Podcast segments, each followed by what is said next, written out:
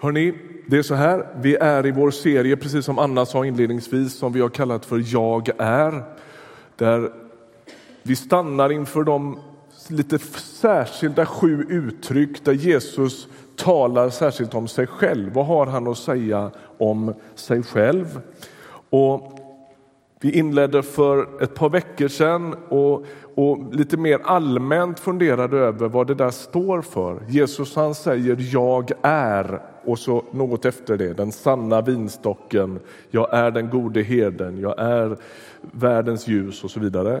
Och då gör han det utifrån att han använder samma uttryck som finns i Gamla testamentet när Gud beskriver sig själv. Mose frågar vid den brinnande busken, vem ska jag säga har sänt mig? Och Gud säger, säg att jag är har sänt dig. Jag är den jag är.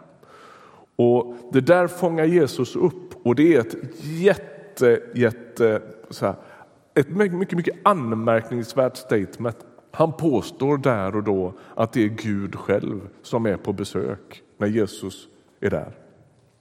Och Det stannar vi inför nu och jag skulle vilja läsa tillsammans med dig idag. Alla de här sju uttrycken finns i Johannesevangeliet och idag ska vi gå till kapitel 15. Om du har någon bibel i någon form i telefonen eller en eh, gammal hederlig pappersbibel eller vad du nu kör med så, så häng med till Johannes 15. Vi kommer in mitt i ett tal där Jesus um, håller ett långt tal i flera kapitel som är liksom lite slutorden innan hela dramat med påsken och avrättningen och så tar vid. Och då mitt i det så kommer detta. Jag är den sanna vinstocken och min fader är vinodlaren. Varje gren i mig som inte bär frukt skär han bort och varje gren som bär frukt ansar han så att han bär mer frukt. Ni är redan ansade genom ordet som jag har förkunnat för er. Bli kvar i mig, så blir jag kvar i er. Liksom grenen inte kan bära frukt av sig själv om den inte sitter kvar på vinstocken kan inte heller ni göra det om ni inte är kvar i mig. Jag är vinstocken, ni är grenarna. Om någon är kvar i mig och jag i honom bär han rik frukt. Utan mig kan ni ingenting göra. Vi stannar där. I Gamla testamentet för dig som är ovan bibelläsare så har vi ju två jättesektioner av bibeltext. Det Gamla testamentet strax från, från skapelsens början till strax före Jesu födelse. Och så har vi Nya testamentet som inleds med fyra historier om Jesus. Matteus, Markus, Lukas och Johannes. Och sen fortsätter berättelsen om urkyrkan första århundradet. Och i Gamla testamentet då, där är den stora berättelsen den har med folket Israel att göra. Israels folk. Gud väljer ett folk och poängen med det, det är att han väljer dem för hela världens skull. För att alla ska förstå vem Gud är. Och så agerar han liksom och handlar han med det här folket och visar sin tålmodighet, visar sin makt, visar vad han kan. Eh, han Eh, den stora liksom frälsningsberättelsen i Gamla testamentet är då när, när Gud för folket ut ur Egyptens slaveri och in i det lovade landet. Och, och I Gamla testamentet då så beskrivs Israel just som den där vinstocken. Vinstocken som tas ut ur Egypten för att planteras i det nya landet. Alla Guds löften löften är liksom kopplade till det där folket. Och när Gud ska handla med världen, då går han liksom via sitt folk. Via dem ska världen förstå att Gud är god. Och så hävdar Jesus nu då, här står han i detta Israel långt, långt senare och påstår att han är vinstocken. Han är uppfyllelsen av alla de där löftena och att han är det sanna Israel. Vinstocken som allt liv pulserar genom. Vi, säger han, lärjungar, vi är grenarna som är ihopsatta, liksom, ihopväxta med med vinstocken, eller finns, är en del av vinstocken. Det är intressant att Jesus inte säger att han är stammen och vi är grenarna, utan han är hela trädet. Och i någon märklig mening så fogas vi in i det där. Paulus han använder ofta ett uttryck när han säger att vi är i Kristus. Alltså, vi sammanväcks, vi blir sammanväxta med honom i och med frälsning och tron på Jesus. Det är i hela den relationen som vi får liv. I den där vinstocken pulserar livet, saven, ut i grenarna. Och det är när man är ihopsatt med den stocken eller sitter fast i Jesus som det livet kan pulsera. I en psalm i Saltaren, psalm nummer 80, så beskrivs det hur Israel är den där stocken, den där vinstocken. Det står så här i psalm 80 och vers 9. En vinstock tog du från Egypten, du drev undan folken och planterade den. Du röjde mark och den slog rot och uppfyllde landet. Bergen täcktes av dess skugga och mäktiga sedrar av dess grenar. Den sträckte ut sina rankor till havet och sina skott ända till Eufrat. Varför rev du ner muren omkring den så att alla som går förbi kan plocka? Vildsvin från skogen kan skövla den. Markens smådjur kan äta den kal. Gud Sebaot, vänd tillbaka, blicka ner från himlen och se. Ta dig an denna vinstock, den ranka din hand har planterat. Gud planterar Israel, folket, det judiska folket i, i Israel och de beskrivs som den där vinstocken, Guds planta genom vilken allt liksom Guds, alla löften är kopplade till det här folket. Alla, alla förhoppningar är kopplade till det, till det folket. Alla Guds syften är kopplade till det folket. Och så säger Jesus att han är uppfyllelsen av allt det här. Det är han som är svaret på all den längtan. I en enda person i världshistorien bränns alla löften, alla syften och alla planer ner. Och alla som följer Jesus ingår i Guds sanna folk bara och endast för att de tillhör honom och tror på honom och förblir i honom, som det står i den här texten. Vi kan ju facit, vi sitter här och ja, mm, det har vi hört. Men du vet, när det här sägs första gången så är det, en, ett, det är ett enastående anmärkningsvärt påstående. Va? Guds folk de står där, alltså hela historien med templet, med, med, med skrifterna, med, med, den gemensamma berättelsen om vad Gud har gjort och inte minst när han för dem ut ur Egypten som är det man återvänder till hela tiden som den stora berättelsen. Liksom. Så säger Jesus, ja, jag är fullbordan och liksom utropstecknet på hela den berättelsen. Jag är vinstocken. Så här säger Paulus, första, eh, förlåt, andra Korintierbrevet 1, vers 19. Guds son, Kristus Jesus, som vi har förkunnat bland er, jag och Silvanus och Timoteus. Han var inte både ja och nej, i honom finns bara ett ja. Ty alla Guds löften har fått sitt ja genom honom. Därför säger vi också genom honom vårt amen, Gud till ära. Det är som om Paulus säger att jag kan säga ja till Jesus i hela min vilja, i hela min känslovärld, i hela min existens. Därför att det är ett sorts gensvar på Guds oreserverade ja till oss i Jesus Kristus. Vad är det som händer när Jesus kommer och ställer sig i världshistorien? Han säger sitt ja till dig. Han säger inte nej och han säger inte nja han säger sitt oreserverade ja till dig. Han är för dig. Han är inte ute efter dig. Och alla frälsningslöftena, hela planen i Gamla testamentet får sitt liksom, utropstecken i Jesus Kristus.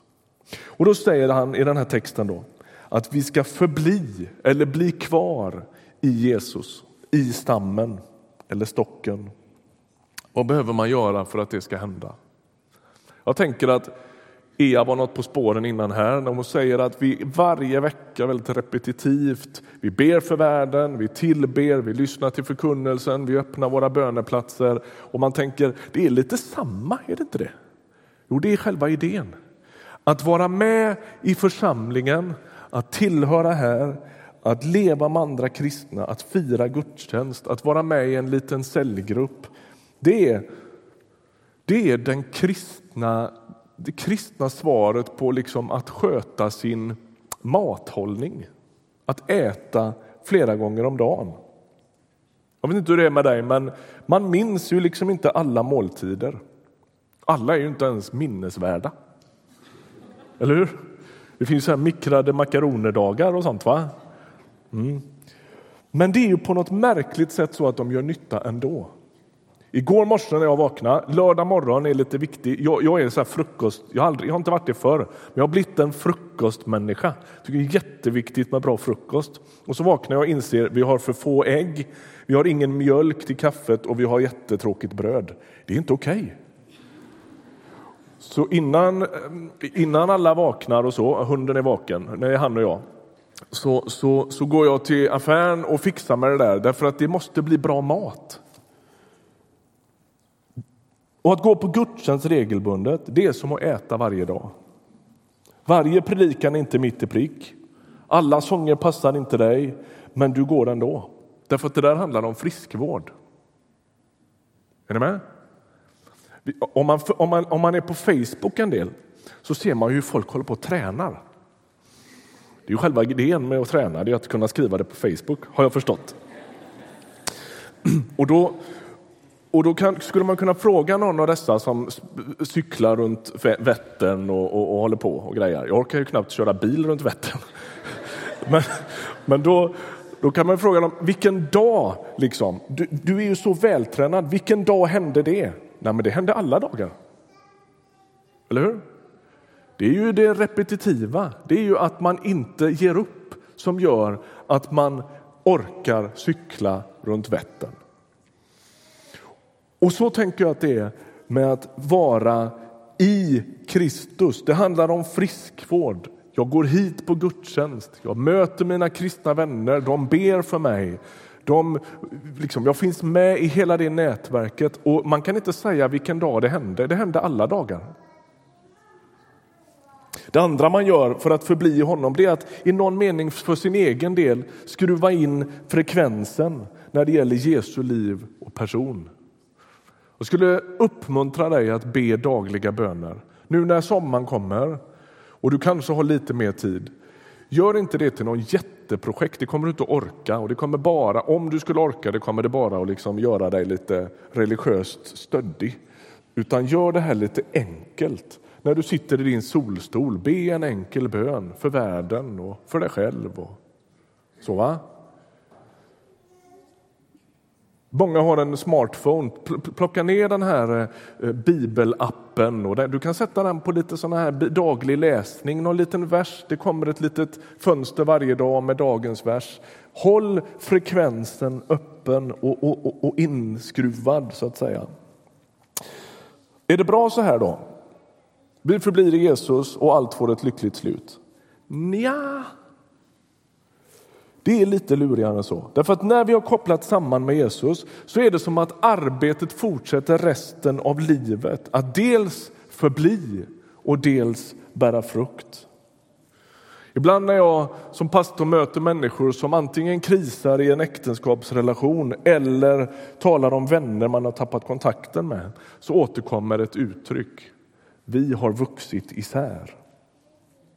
Och det där händer inte plötsligt en dag utan över tid.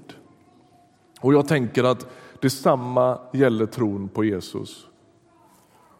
Den gamle legendariske väckelsepredikanten Frank Mangs han sa så här en gång, ungefär.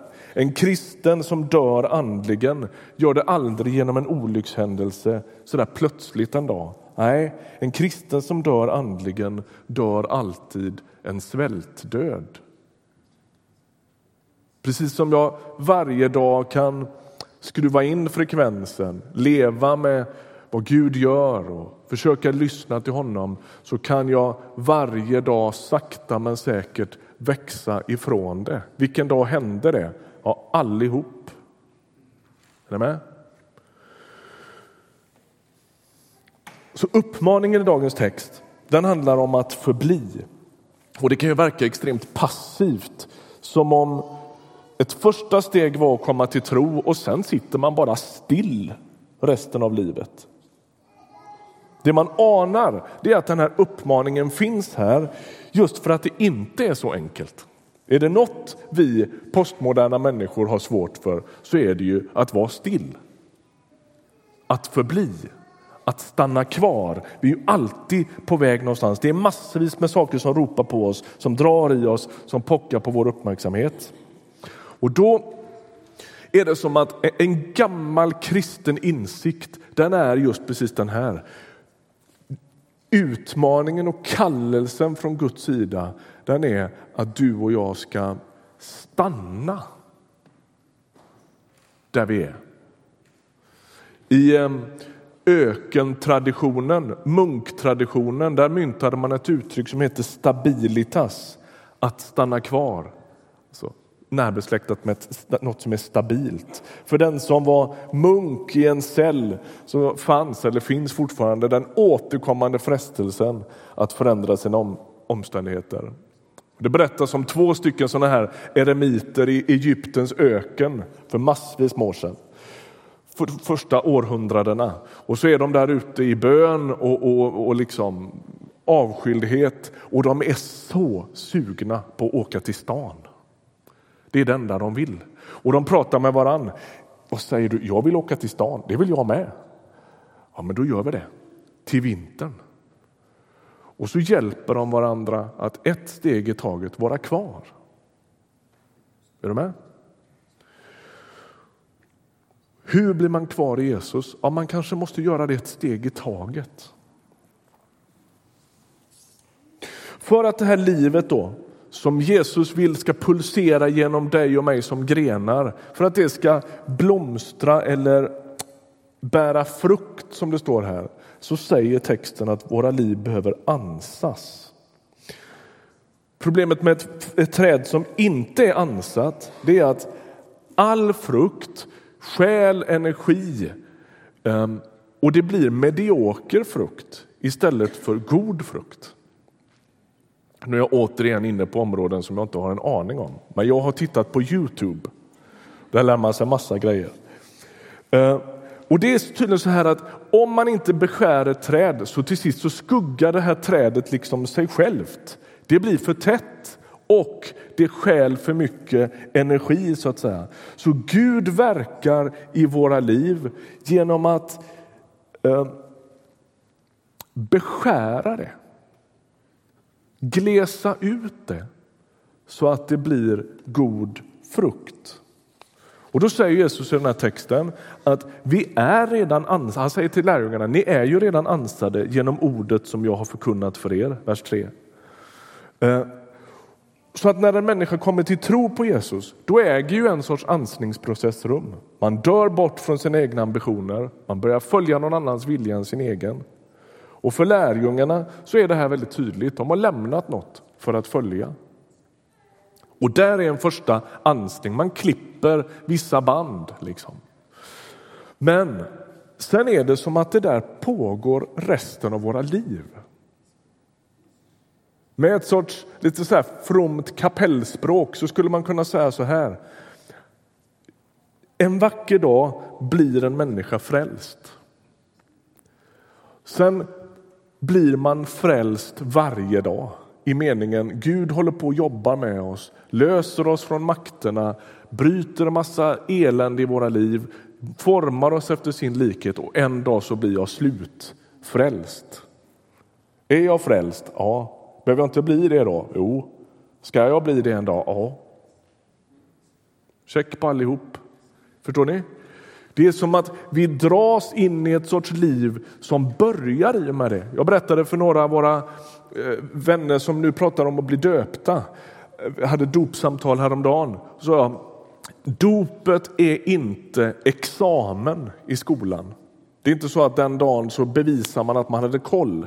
Det är mycket mer som första dagen i skolan. Välkommen hit. Nu börjar det. Nu ska du börja lära dig, nu ska du börja formas, nu ska du börja testa själv. Och så formas man sakta men säkert till att börja likna Jesus. Och här är det som att Jesus liksom lämnar en sorts dubbel bild. Ja, ni är redan ansade och så måste det äga rum hela tiden. Det betyder inte att Gud skär bort allt som inte verkar andligt och fromt. Det vore en vrångbild. Nej, men det betyder att han tålmodigt fortsätter processen i våra liv att sakta men säkert göra oss till gudsmänniskor. Det är målet. Jag har en god vän som jobbar i en butikskedja och så var han på en personalfest och så satt de och pratade lite om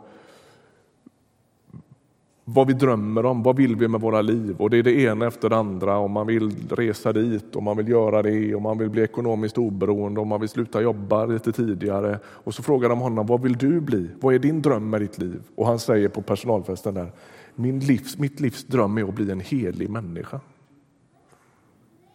Det blir ett spännande samtal.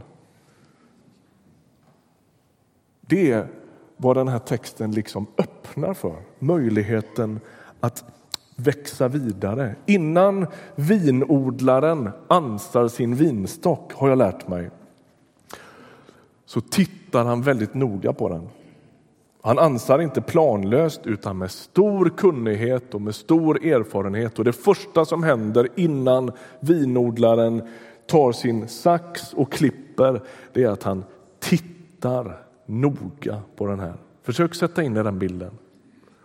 Gud släpper allt han har för händer, om man nu kan säga så. Och så tittar han noga, noga, noga i ditt liv. Man kan säga så här, vinodlaren är aldrig så nära sitt vinträd som när han eftertänksamt begrundar dess hälsa och dess långsiktiga fruktbärande. Han kommer extra nära. Man skulle kunna säga så här. Gud kommer aldrig så nära som när han har kniven i handen. Och så händer det paradoxala. Gud kommer nära och så skär han.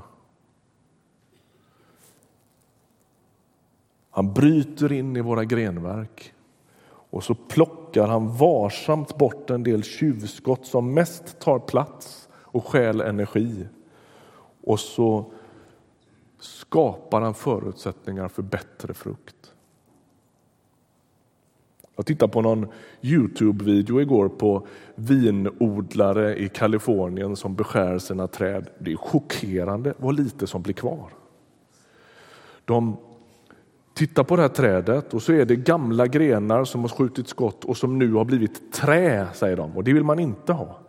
Och då tog han sin stora sax, så här brutal sax, och så, bara, så tog han bort den där och så tog han bort de här och det och det och sen så lämnade han kvar små kvistar med två små buds, vad heter det, knoppar på. Ovanför det skar han. Det blev liksom tre pinnar kvar så här. Och sen, om man gör det här noga, i deras fall i början, precis i början på året, då har man betalt för det hela året. Då kommer det bli fantastiskt. Det kommer att komma en klase här, en klase här och sen nästa år så kommer vi att få skära bort här. Och världens plan för det där. Men det som slår en är vad lite som blir kvar. De skär hårt.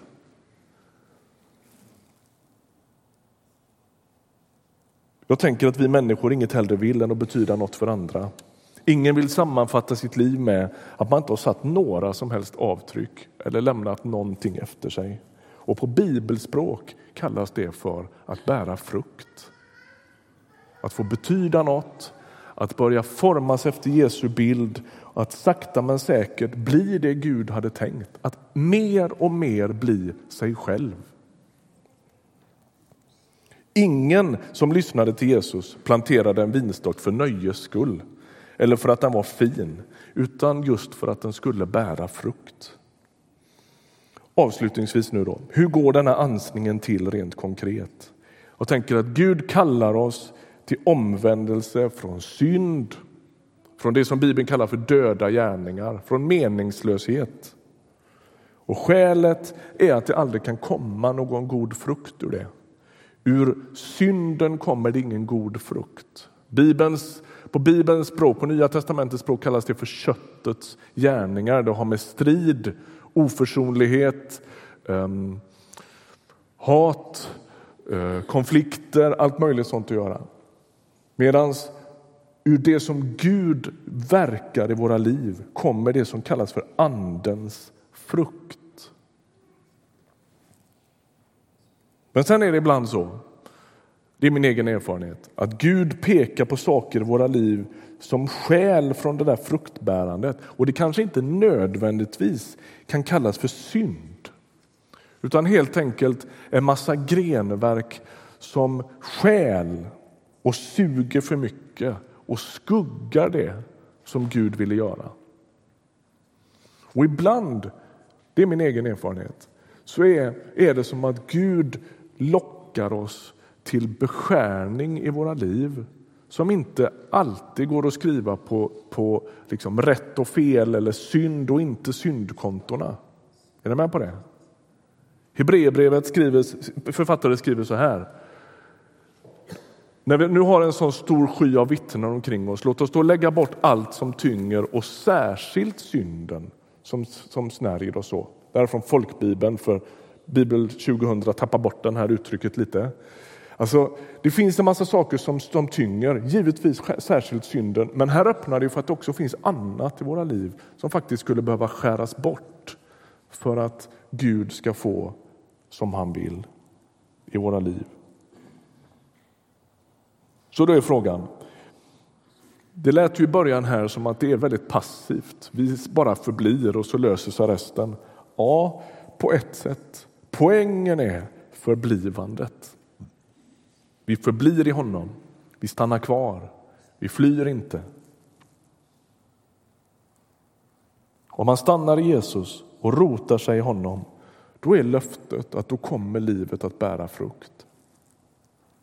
Men det sker inte slarvigt, det sker inte lite sådär oförhappandes. Nej, Gud arbetar tålmodigt med oss och vår kallelse, vår kallelse det är att inte säga nej till honom.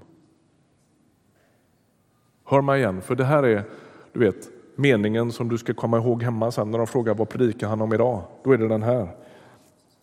Gud arbetar tålmodigt med oss och vår kallelse är att inte säga nej till honom.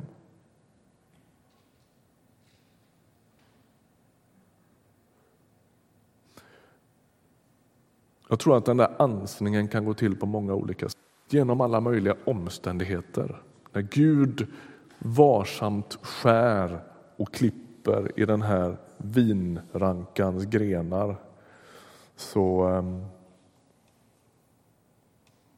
kan det ha med omständigheter att göra. Det där är livet som skaver och smärtar.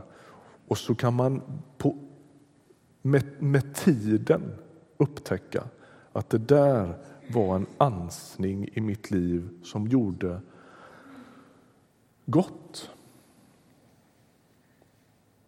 Nu sa jag inte att Gud sände all denna smärtan. Jag bara sa att han kan använda den och röra vid våra liv, klippa i våra liv så att vi faktiskt blir mer lika honom. Det kan smärta att bli beskuren. Somligt förloras ju i den där beskärningen, rätt så mycket men annat vinns. Och allt handlar om att våga tro att Gud vet vad han gör.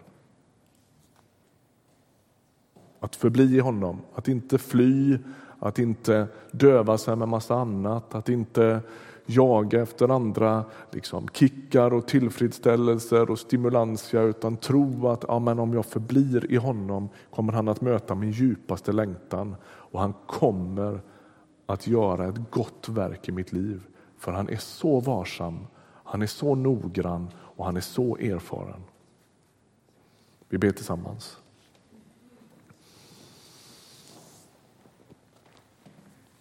Jesus Kristus, tack för mina vänner här i Ryttargårdskyrkan idag. Tack för vad du gör i var och ens liv. Jag ber för den som kanske börjat nosa på kristen tro och undrar om det är något att hålla på med. Vi ber att du skulle visa din godhet. Jag ber för den som sliter just nu och som kanske undrar varför en del saker berövas en. Vi ber om tillit, mod att tro. Vi ber Jesus, fortsätt ditt verk i våra liv. Hjälp oss att formas, hjälp oss att bära frukt. Vi önskar att våra liv skulle kunna mätta andra för att du har gjort ett gott verk i dem. Ske din vilja med oss. Amen.